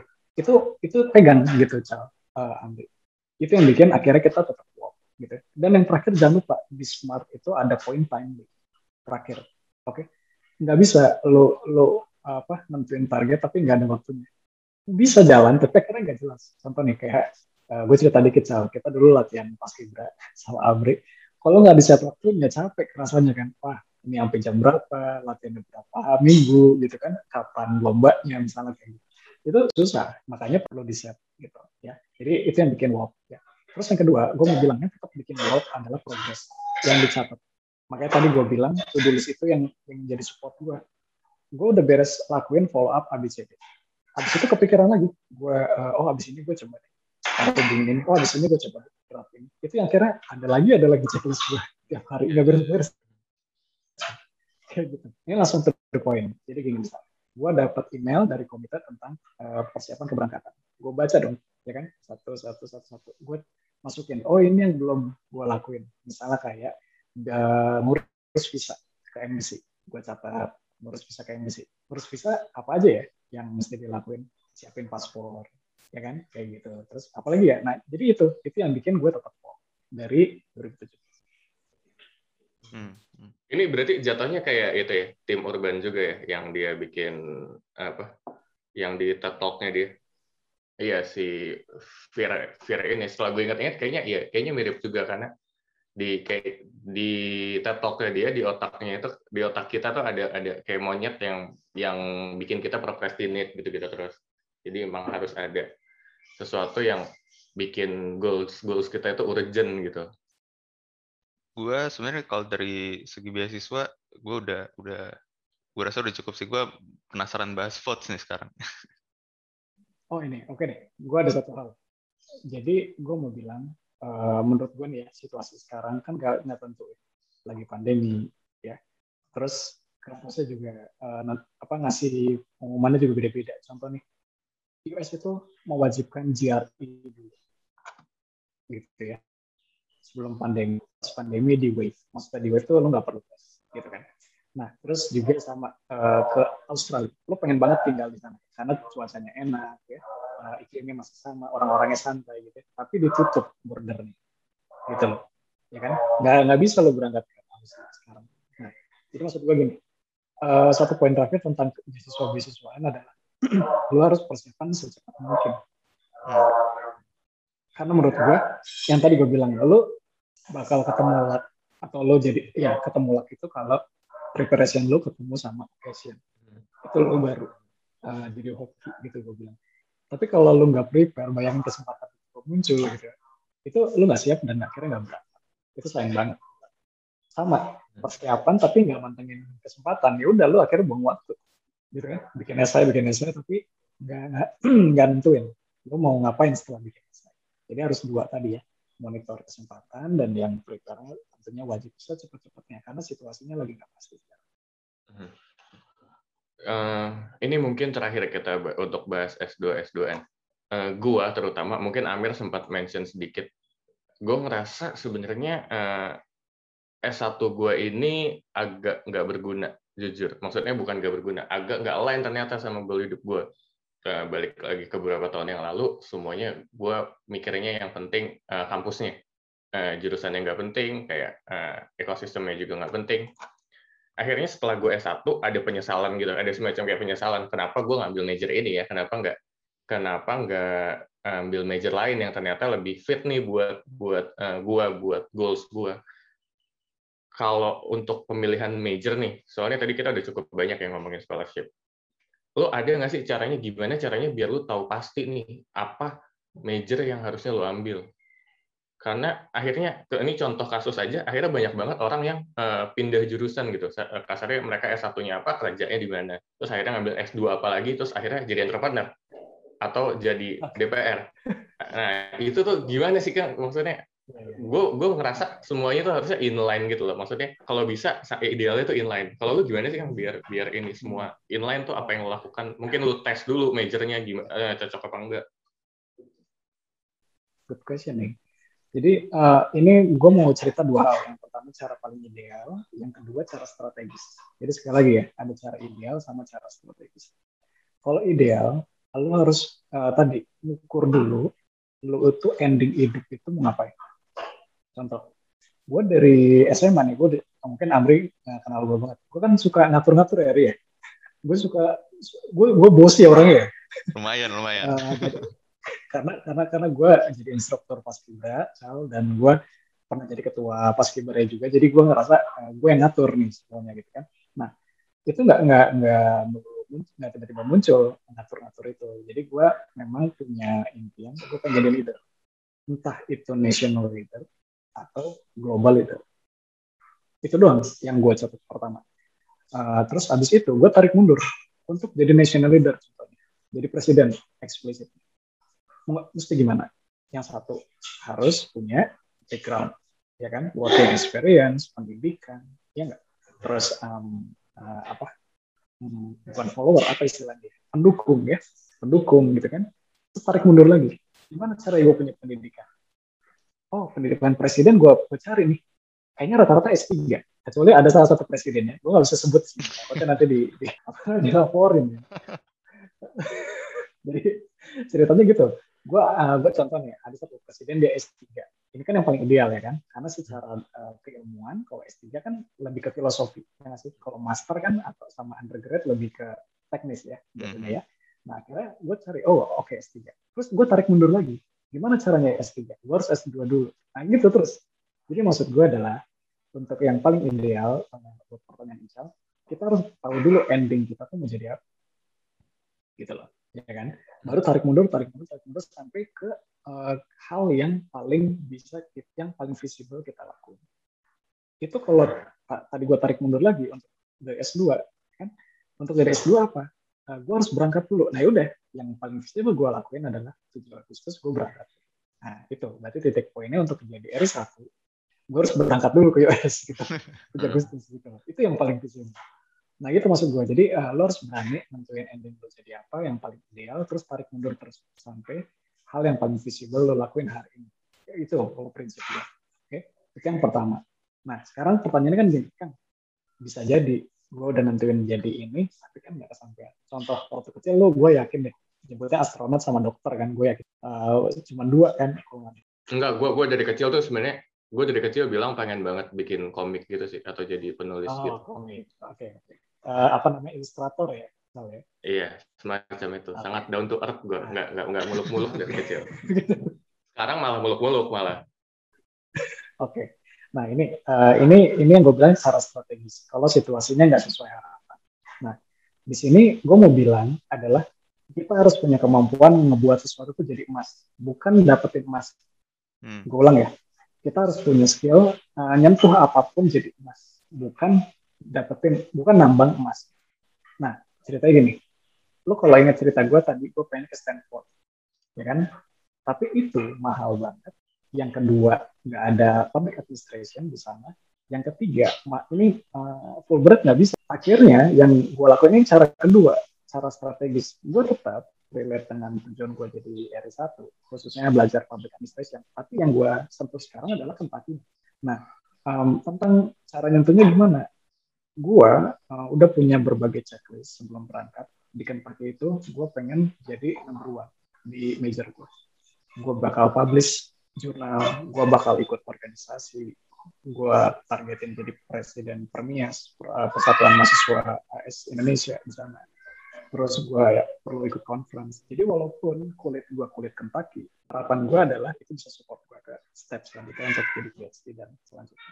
Kayak gitu. Jadi intinya manfaatin situasi yang ada, diubah jadi emas uh, dengan segala yang lo bisa. Nah itu jadi modal lo sebenarnya. Gue nangkepnya gini, ketika lo udah top down, itu ketika udah top down tuh nggak berhenti di situ lo stop lagi lanjutin lagi kayak maju lagi mungkin di si akhirnya si final goalnya juga ada perubahan gitu ya ketika lo maju lagi maju lagi maju. kayak proses iterasi gitu kasarnya ya jadi betul, betul betul dan dan ini kayaknya sangat applicable ya ke goal-goal lain ya bukan cuma S2 jadi emang betul apa pun. emang life goal tuh semuanya bisa diginiin ya? Uh, katanya kalau bikin goal bikin yang tinggi banget gitu ya. Nanti kalau uh, jatuhnya tuh nggak nggak rendah banget. Dan lo bisa bayangin kalau lo nggak bikin gol lo bisa di mana ya kan? Makanya mungkin mhm. bikin aja yang ideal ideal mungkin. Contoh nih Amri lo udah kunci di Jerman menurut gue nih lo harus bisa bangun koneksi dengan uh, apa namanya pendukung Habibi di sana entah entah komunitas entah uh, kampusnya atau apa. Kenapa? Karena dia terkenal kan di sana. Dan kayaknya bagus kalau lo bisa dapat koneksi uh, Habibi community lah di sana. Dan lo bisa jadi bawa network itu nanti pas balik. Oke, berarti uh, berarti oke, okay. berarti di proses S2 ini selain selain lo ngajar major, eh, maksudnya dari awal ngajar scholarship biar bisa uh, kuliah terus ngajar major, tapi sebenarnya ada juga ada juga nih hal lebih besar lagi yang lo incar dari dari uh, moving keluar ya maksudnya keluar dari ekosistem lo sendiri itu sebenarnya harusnya ada juga yang lo bisa lo kejar kayak ekosistem network dan lain-lain itu seharusnya juga bisa jadi uh, sesuatu yang lo kejar harus bisa dimanfaatin juga. Ini eh, jujur maksudnya beberapa jam ini sangat menjawab banyak pertanyaan gue sih yang gue tanyain ke teman-teman gue yang S2. Apalagi nanti ya kan tanggal 24 ya. Iya benar. Yang minggu depan ya, apalagi yang minggu depan iya, ya. apalagi yang minggu depan kayaknya. Nah, bagus bagus nih transisinya Mir. Kita kayaknya udah makin jago deh. makin jago ya. Oke, jago. Udah udah empat kali recording. Oke, oke. Iya, kalau gue sebenarnya kalau beasiswa-beasiswa udah uh, udah kita hold dulu kali ya buat sekarang. Sebenarnya masih banyak banget pertanyaan, cuman ini udah deket-deket jam 9 juga kan kita janjinya sampai jam 9 gue uh, menghargai waktu lo yang yang disebut ini. Gue mau bahas dikit tentang votes. Ini kan tadi lo sempat bahas nih uh, si votes ini sebenarnya munculnya quote unquote kebetulan gitu kan dari dari lu ngirim-ngirim voice note ke teman-teman lu akhirnya lu akhirnya lu melihat tambang emas di sini kayak oh di sini hmm. kayaknya uh, potensi buat jadi platform belajar gitu boleh. Diceritain nggak kayak uh, lanjutannya setelah tadi lu menemukan tambang emas ini bagaimana lu menggarap si tambang emas ini sampai akhirnya lu punya koneksi ke hmm. orang di 10 negara berbeda gitu. Jadi tadi ini gue mau coba baseline-nya adalah nyentuh apa pun jadi emas. Dan ini gue mau cerita real real story-nya. Jadi lu pernah sih ngebayang voice notes di WA bisa kepake. Hmm. Tiap hari cuma chatting, telepon, video call. Tapi kalau voice notes enggak, gitu kan? Nah ternyata gue um, akuin adalah ini lebih simpel. Lu nggak perlu ngetik, tapi lu bisa ngedengerin berulang-ulang untuk masalah uh, speaking, gitu kan? dan lu nggak perlu pakai recording lagi lu malah bisa dengerin dari teman lu langsung gitu ya dalam satu platform nggak pakai recording tambahan gitu kan nah ini yang gue sentuh pertama tentang uh, voice notes gitu ya. Nah setelah itu uh, memang gue akui nggak gampang untuk ngejaga apa yang udah dimulai gitu ya nah dari sini yang tadi gue bilang gue manfaatin uh, gue nyentuh yang lainnya untuk jadi emas. Gue sentuh yang namanya IG story uh, setiap gue kepikiran tentang votes gue share. Gue share gue share gue share, share. akhirnya apa? Uh, follower follower gue itu gue sentuh juga tuh jadi emas. Gitu.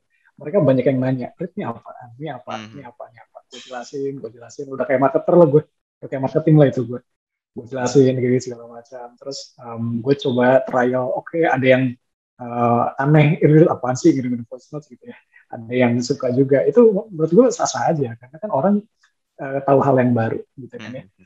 nah dari situ pertama kuncinya dari IG itu akhirnya nyebar. Teman SMA gue di Jerman namanya Ardita. Uh, tinggal sama suaminya di sana ikutan. Hmm. teman gue Dila yang lagi di Jepang. Terus ini uh, seru banget gitu. Gue yeah, bisa yeah. nerapin buat orang-orang pengen belajar bahasa Jepang dengan perlu feedback yang bisa diulang-ulang akhirnya pakai voice notes gitu kan. Dia akhirnya ikutan ke gue senior gue di US terus lihat terus ini apa nih? Kok pakai voice notes? Gue bilang ini buat latihan speaking. Jadi evaluasinya nggak dengerin pulang ikutan. Dari UK ikutan Aussie ikutan. Udah akhirnya yang gue bilang itu nyebar akhirnya. Contagious kalau bahasa covidnya gitu ya. Itu yang pertama. Nah setelah itu gue mikir uh, eh, gue harus memperbaiki uh, sistemnya. Jadi kayak ini katanya uh, pola pikirnya anak teknik ya. Jadi katanya nyoba sesuatu kalau misalnya gagal harus coba yang lain. Ya sih kan gue bukan anak teknik nih. Gue kan anak keuangan ya. Nah uh, katanya gitu. Itu yang gue lakuin buat voice nih uh, sama Andre. Gue coba lewat voice uh, notes gitu ya. Uh, program tiga minggu ternyata nggak cukup. Gue uh, kata yang udah pernah ikutan Rit ini tiga minggu terlalu cepat hmm. harus bikin tambahan nih gue tambah program yang selanjutnya. Terus ada yang bilang lagi Rit kayak bosan kalau pakai voice notes. Kita pengen live. Tapi gue bilang konsep gue mau pakai zoom karena yang pakai zoom udah banyak gitu. Yeah, yeah, yeah. dan ini kalau relate dengan bisnis ini gue nggak mau uh, red ocean strategi. Gue nggak mau uh, berdarah-darah dengan saingan sama seri ya gue sebut yeah, yeah. FILP Lia yang udah udah udah uh, senior banget kan di Indonesia gitu ya. Kampung Inggris gue juga bisa bilang uh, eh, gue pengen yang baru yang unik karena orang juga eh, nggak uh, kerepotan. Kalau zoom kan lu harus standby dong stand ya kan? Iya, dan iya. speaking lu harus udah oke okay. kan? Malu dong. Iya, kelihatan iya, muka speaking juga. oke. okay. iya, bener banget. nah akhirnya uh, gue cari jalan tengah. Orang bisa lihat speaking nggak kelihatan muka dan bisa delay. Bahkan bisa baca catatan sendiri gitu. Hmm. voice notes nggak kelihatan muka ya kan? Hmm, hmm, nah akhirnya itulah uh, gue akhirnya pakai blue ocean strategi. Gue pakai itu Nah, akhirnya gue kita punya platform baru di Telegram. Lu pernah nggak dengar voice chat di Telegram? Jadi ceritanya lu kayak Zoom, nggak ketemu muka, tapi live. Bisa ngomong. Hmm. Kayak Clubhouse, kayak Clubhouse. Yeah, nah, yeah, yeah. sekarang uh, anak-anak tuh pada ngembanginnya ke Telegram.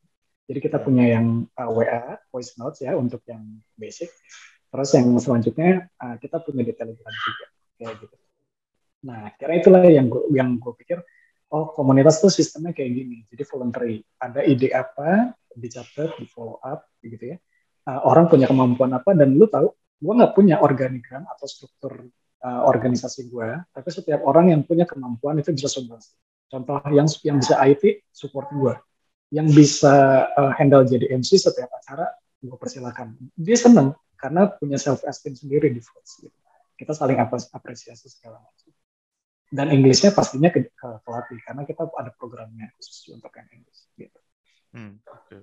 Ya karena menurut gue uh, coach ini apalagi setelah dengar cerita dari lo barusan kayak jadi keren gitu karena jadi keren banget gitu karena ini jadi awalnya enggak awalnya enggak maksudnya. awalnya keren aja awalnya oh. keren aja sekarang jadi keren banget karena uh, ini apa ya ini lo lagi ngejar beasiswa nih terus tiba-tiba uh, stuck sama sesuatu terus lo ngelihat ini bisa di dieksploit lebih lagi gitu. Jadi ini hmm. bukan hmm. bukan sesuatu yang lo, lo rencanakan tapi tetap tetap bisa lo bikin sukses gitu kan sampai sekarang. Karena teman gue juga ada yang baru bikin nih uh, semacam ini. Uh, gue nggak tahu ya dia apakah dia terinspirasi sama vote atau gimana tapi kalau dari cerita lo kan lo nggak ngelihat sebuah organisasi lain kayak melakukan hal yang sama tapi lo yeah. lo kebetulan uh, hmm melakukan hal itu terus lo ngeliat tambang emas di situ. Menurut gue jadi jadi keren banget sih sebuah apa ya yeah, side side questnya side questnya yeah. keren banget gitu. Side quest buat dapat uh, beasiswa ini.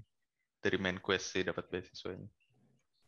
Kadang pas kita hmm, apa namanya kepikiran untuk bikin sesuatu nggak mungkin terlepas dari background. Jadi gini lo tahu kan kita bertonton di Pandawa. Uh, kita punya sistem, ada instrukturnya ya, ada anggotanya, ada uh, apa namanya uh, pengurus strukturnya ya, yeah. ketua bendahara segala macam kayak gitu. Nah, uh, karena gue udah punya background di paskibra itu, jadi kan untuk uh, memfasilitasi programnya kan perlu fasilitator, ya kan, perlu instruktur, ya kan. Gue sempat pusing di awal, gue nge-hire siapa buat program ini, apalagi gue harus punya dana Hmm. Tapi akhirnya gue bikin sistem kayak di Pandawa nih, sorry ya agak roaming cal. Jadi gini, gue kalau di Pandawa dulu di Paskibra itu uh, ceritanya, lu kalau mau jadi instruktur ada tahapannya. Lu jadi anggota dulu, ada tesnya gitu kan, baru jadi instruktur. Bisa juga lu jadi kayak pengurusnya ketua, benar segala macam. Nah di ini sama. Jadi setiap anak-anak yang beres tiga minggu pertama itu dipersilakan untuk lanjut ke program yang tiga minggu kedua. Oke, okay? Ini lebih advance, jadi nggak nggak sama trigger buat speakingnya. Contoh kalau di minggu uh, di program yang pertama, lu cuma di cerita tentang pengalaman pribadi. Please introduce yourself. Uh, what's your favorite meal? What's your favorite place? Terus um, lu diminta komenin video dari uh, Ellen Show dan segala macam. Itu pokoknya basic. Uh, intinya bisa merespon apa pun, gambar, video, um, lagu, dan bisa merespon pertanyaan-pertanyaan setelah. Nah, dari sini uh, geser ke program kedua ya.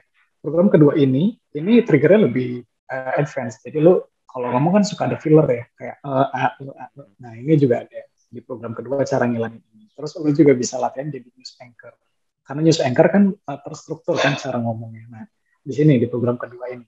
Nah setelah ini ini mirip yang Pandawa tadi gue bilang.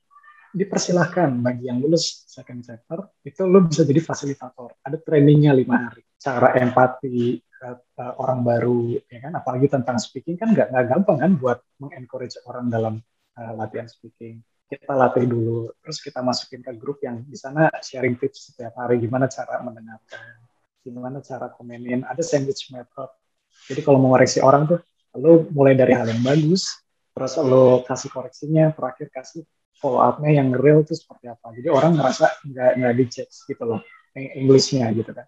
Kayak gitu jadi intinya selain English program, ini leadership program juga. Dan ini yang gue cita-citain untuk bikin sebuah akademi kita leader. Uh, tapi gimana gimana Kang cara lo uh, desain kurikulum dan sistem ini? Mungkin uh, setahu gue berarti dari background lo nggak ada kan? Dari background hmm. pendidikan hmm. maksudnya. Uh, jadi mungkin apa yang lo jadiin referensi dalam lo mendesain uh, si Foods ini? Oke. Okay. Gue akuin pertama bikin program, bikin mind map jadi gue mulai dari kertas kosong, gue tulis quotes di tengah-tengahnya, terus gue mikir, yang gue mau apa? Gue bikin draft berkali-kali, trigger yang pas apa, urutannya kayak apa, apakah video dulu, apakah pertanyaan sederhana dulu, terus uh, trigger ini sebelah mana, uh, selingannya apa, macam itu mulai dari nol banget. Dan to be honest, salah sama Andri, walaupun nggak ada education background gue, tapi dari kelas 4 SD, gue udah diminta untuk tutor junior. Jadi waktu kelas 4 SD, gue disuruh meriksain uh, eh, PR ya dan ngejelasin ke anak kelas 3 SD. Gitu. Habis itu uh, dari SMP sampai kuliah, gue ngajar suka ngajar-ngajar kayak ngajar pelajaran kimia, fisika, uh, matematik. Terus di Pandawa udah masih ditanya ya, ya, bertahun-tahun. ya. Nah, yang paling gongnya adalah gue sempat jadi dosen uh, sementara selama satu semester di STAN. Jadi uh, background itu yang bikin gue jadi ngerti gimana caranya untuk bikin satu uh, program. Oke, berarti uh, kurikulum uh, kurikulum terkait bahasa Inggrisnya pun lu breakdown sendiri ya. Maksud, uh, kalau misalnya referensi berarti nggak kayak nggak kayak ngambil mentah dari satu program terus uh, direplicate oh. di Codes. Betul. Gue bikin sendiri terutama uh, pertanyaan terkait uh, dengan English test kayak TOEFL, TOEFL IBT misalnya dalam satu menit cara menjawabnya seperti apa struktur kayak apa itu gue masukin. Karena kan orang pasti ikut komunitas tujuannya kan pasti buat tes ya. Salah satunya kan buat tes IELTS atau IBT gitu kan ya. Terus yang kedua juga dari interview. Karena uh, interview itu sebenarnya kan uh, trigger buat melanjutin ngomongnya sih? Kayak misalnya uh, please introduce yourself. Habis itu ditanya how uh, sorry why do you choose US for your uh, for continuing your study? And how do you manage your time to uh, to misalnya achieve all of this achievement something, like that kayak gitu. Ya gue soalnya baru nge uh, votes ini adalah uh, buat buat speaking itu kan gue cuma ngelihat dong nih gue nggak sempet nanya lu kan kayak ini ini apaan kan hmm. awalnya gue kira kayak politik politik gitu kan karena namanya votes gitu terus pas gue tahu apa ternyata uh, buat buat speaking bahasa Inggris kalau si votes ini udah ada pas gue lagi latihan-latihan IELTS mungkin lebih bakalan ngebantu banget karena waktu ya jujur aja karena waktu belajar buat IELTS itu salah satu yang paling nggak gue pelajari adalah speaking karena gue nggak nemu partner ngobrol gue siapa walaupun akhir ya baru sekarang ini kayak ya harusnya gue baca aja buku apa pun gue baca gue pronunciate yang bagus uh, nggak nggak di dalam kepala doang gitu tapi gue gue bener-bener sebut gitu. Padahal ini harusnya super helpful sih buat buat orang-orang yang terutama lagi targetin IELTS atau TOEFL gitu. Iya, yeah, kalau ya kalau dari gue sebenarnya uh, ini bahasan dari uh, podcastnya kayaknya sebenarnya udah udah hampir semua ke cover. Kayak terakhir mungkin hmm, terakhir hmm. aja kali. Atau lu ada apa dulu cel? Banyak, banyak sih yang mau gue tanyain iya, sebenarnya banyak banget ya. nih. Ya, ini banyak banget asli. Ini ini gue banyak cuman banget cuman seberapa oh. seberapa masih masih bisa dilanjutin gitu nggak kang? Masalahnya uh, apa udah harus harus stopnya? Oh gini. Oke. Okay. gue masih oke okay, gue kalau lima sepuluh menit lagi. Oke. okay. Uh, mungkin ini kayak kasarnya kayak pamungkas ya sekalian sekalian sekalian jualan enggak? Votes votes ini sebenarnya buat kalau gitu sebenarnya votes ini akhirnya di di diarahkan buat siapa sih dan program apa yang ditawarkan untuk mereka gitu kasarnya. Kayaknya dari tadi soalnya kita belum sempat bahas gitu kan secara oh, iya. deep gitu. Oke. Okay. Hmm, Oke. Okay. Uh, menurut gue pertanyaannya menarik ya. Jadi kalau buat siapa? Dari logonya kalau lo perhatiin itu tulisannya ada votes, terus ada mic ya sebagai ikonnya. Nah, yang kayak senyumnya itu tulisannya your speaking partner. Berarti targetnya adalah untuk nemenin lo ngobrol. Jadi siapa pun, intinya ngobrol bahasa Inggris, ini vote jadi temennya. Kayak gitu. Nah, untuk programnya, kita punya ada beberapa tahapan. Uh, sorry, gue coba recap dengan uh, bahasa yang lain. Jadi yang pertama, gue ngerti semua orang hmm, backgroundnya beda-beda. Ya kan? Skillnya juga beda-beda. Ada juga mungkin yang udah fluent, ada juga mungkin yang masih sukanya reading, listening tapi nggak sempat speaking gitu ya. Hmm. Ada juga yang udah kantor, ada yang masih sekolah, kuliah gitu kan. Nah, akhirnya um, program yang uh, bisa dibilang gue bilangnya chapter. Chapter pertamanya ini adalah delay response, uh, Charles sama Andri. Jadi lo pakai voice notes di WA kayak gitu. Oke. Okay? Jadi um, tiap hari selama tiga minggu, terutama weekday, lo tiap hari bakal dikirim, dikirimin satu trigger, itu suara gue untuk lo jawab pakai voice notes. Oke. Okay? Hmm. Nah, uh, misalnya gini, uh, gue masih ingat pertanyaan berikan pertama. Ini gue bocorin ya. Nanti lo kalau ikut programnya pasti dapat juga. Misalnya yang pertama tuh kayak, what's your goal in joining this course? Kayak gitu misalnya. Oke. Okay?